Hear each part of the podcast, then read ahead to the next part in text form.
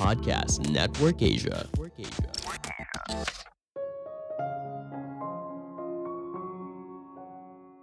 Ilmu ekonomi akan membantu kita memahami dunia dengan lebih baik.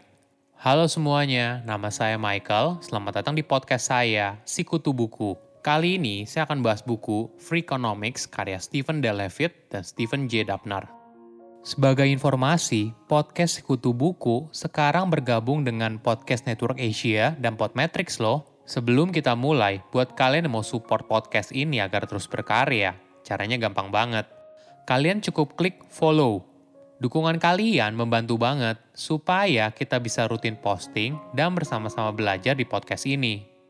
Buku ini membahas bagaimana menggunakan ilmu ekonomi untuk menjelaskan berbagai hal yang ada di masyarakat. Misalnya, apakah pengedar narkoba semua kaya raya? Kenapa seorang bisa curang? Bagaimana kita bisa manipulasi informasi yang orang lain tidak tahu?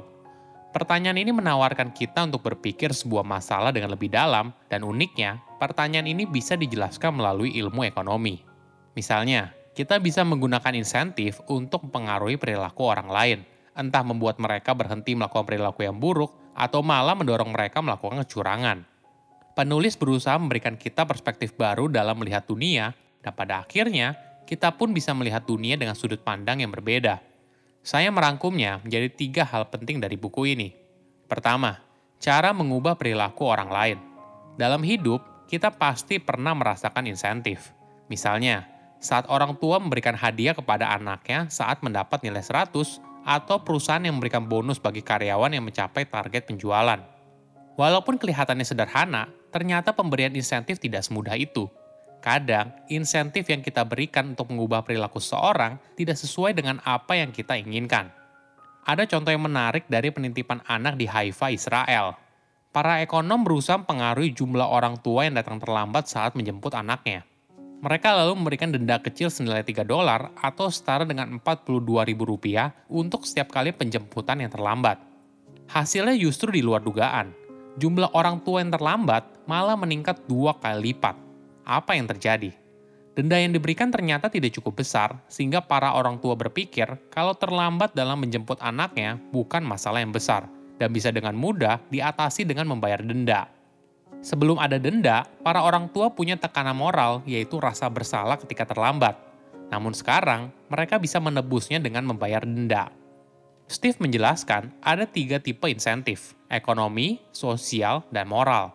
Insentif ekonomi biasanya berhubungan dengan uang atau waktu yang didapat atau hilang. Sedangkan insentif sosial berhubungan dengan citra kamu di depan orang lain, mendapatkan penerimaan secara sosial atau malah dikucilkan.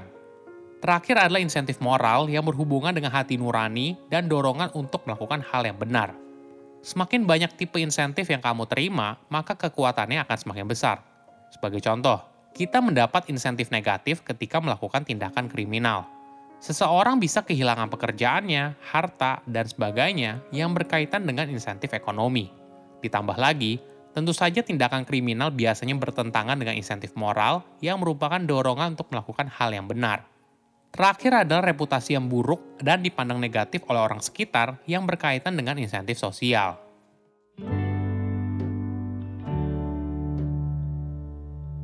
Kedua, saran ahli tidak selalu baik. Dalam hidup, kita pasti butuh masukan dari para ahli, misalnya saat memperbaiki sesuatu, memiliki masalah hukum, atau membeli sebuah barang. Kita butuh masukan mereka untuk mengambil sebuah keputusan. Para ahli memiliki akses informasi yang tidak kita miliki. Boleh dibilang, terjadi asimetri informasi. Salah satu pihak memiliki informasi yang lebih banyak daripada pihak lainnya. Walaupun para ahli biasanya diberikan bayaran atau komisi atas keahlian mereka, tapi kadangkala mereka juga menggunakan keuntungan informasi ini untuk kepentingan pribadi. Ada contoh yang menarik dari jual beli rumah. Bagi kebanyakan orang, menjual rumah adalah salah satu transaksi keuangan terbesar dalam hidup. Proses ini boleh dibilang cukup rumit dan menghabiskan banyak waktu. Oleh karena itu, biasanya kamu butuh agen properti sebagai perantara. Kamu percaya mereka bisa membantu kamu mencari calon pembeli dengan harga terbaik. Namun kenyataan justru yang terjadi sebaliknya – Walaupun keuntungan mereka berasal dari komisi penjualan rumah, tapi kadang mereka menjual rumah di bawah harga sesungguhnya agar mereka bisa mendapat komisi secepat mungkin. Penelitian menunjukkan ketika agen menjual rumah mereka sendiri, biasanya mereka membiarkannya untuk dijual lebih lama demi mendapatkan harga yang lebih tinggi. Oleh karena itu, hati-hati ketika seorang agen properti mendorong kamu untuk segera mengambil tawaran pertama dari calon membeli. Beberapa ahli juga sering kali memanfaatkan ketakutan kita untuk mendapatkan keuntungan. Misalnya, seorang penjual mobil meyakinkan kamu untuk tidak membeli model yang lebih murah dengan menanamkan rasa takut kalau itu tidak aman.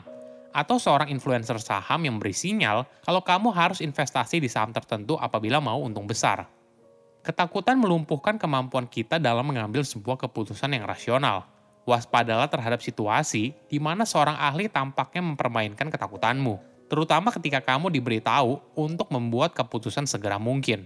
Dalam kasus seperti itu, cobalah untuk memiliki strategi yang akan memberi kamu waktu dan ruang yang berharga untuk mempertimbangkan pilihan dengan tenang. Selain itu, kamu juga bisa mencari informasi pembanding di internet.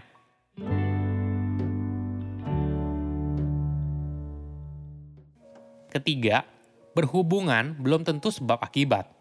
Kita sering kali salah berasumsi ketika ada dua kejadian yang terjadi bersamaan, belum tentu kejadian tersebut merupakan sebab akibat bisa saja hanya berkorelasi. Meskipun kota Denver dan Washington DC memiliki populasi yang kurang lebih sama, Washington memiliki tiga kali jumlah polisi yang lebih banyak dan juga delapan kali jumlah pembunuhan yang lebih banyak. Apakah kamu berasumsi kalau polisi lebih banyak maka menyebabkan tingkat pembunuhan yang lebih tinggi? Ketika kita melihat peningkatan faktor tertentu misalnya X sesuai dengan peningkatan faktor lainnya misalnya Y, kita tergoda untuk berpikir ada sebab akibat yang artinya peningkatan X menyebabkan peningkatan Y. Ada contoh yang menarik soal uang dan politik. Kebanyakan orang akan setuju kalau uang memiliki pengaruh yang kuat terhadap hasil pemilu. Dan faktanya, data menunjukkan bahwa kandidat dengan kampanye paling mahal biasanya menang. Kita cenderung secara logis menyimpulkan bahwa uang adalah penyebab kemenangan. Tapi apakah itu benar? Dengan mempelajari kandidat yang maju dalam pemilu berturut-turut, ditemukan bahwa sebenarnya jumlah uang yang dikeluarkan hampir tidak berpengaruh pada hasil. Kandidat yang menang dapat memotong pengeluarannya menjadi setengah dan hanya kehilangan satu persen suara. Sedangkan kandidat yang kalah dapat menggandakan jumlah yang dibelanjakan, tetapi hanya mengharapkan peningkatan satu persen suara mereka. Terkadang apa yang terlihat belum tentu kejadian yang sebenarnya pada awal tahun 1990-an, tingkat kejahatan di Amerika Serikat tiba-tiba menurun. Banyak ahli berpendapat hal ini disebabkan ekonomi yang meningkat, jumlah polisi yang bertambah, dan sebagainya. Namun ketika diteliti lebih lanjut, faktor yang paling besar adalah aborsi. Sebagai informasi, dua dari prediktor terbesar dari perilaku kriminal masa depan seorang anak adalah tumbuh dalam keluarga broken home dan hidup dalam kemiskinan. Jadi, Ketika Amerika Serikat melegalkan aborsi pada tahun 1973, wanita dalam keadaan seperti itu bisa mengajukan untuk aborsi. Dampaknya, hal ini menurunkan jumlah anak yang kemungkinan akan melakukan tindakan kriminal saat berusia 16 tahun pada tahun 1989 atau setelahnya. Hidup yang kita jalani kadang membingungkan, namun semua ini bisa terbantu apabila kita belajar soal ekonomi. Saya undur diri, jangan lupa follow podcast Sikutu Buku. Bye-bye pandangan dan opini yang disampaikan oleh kreator podcast, host, dan tamu tidak mencerminkan kebijakan resmi dan bagian dari podcast Network Asia. Setiap konten yang disampaikan mereka di dalam podcast adalah opini mereka sendiri dan tidak bermaksud untuk merugikan agama, grup etnik, perkumpulan, organisasi, perusahaan, perorangan, atau siapa pun dan apa pun.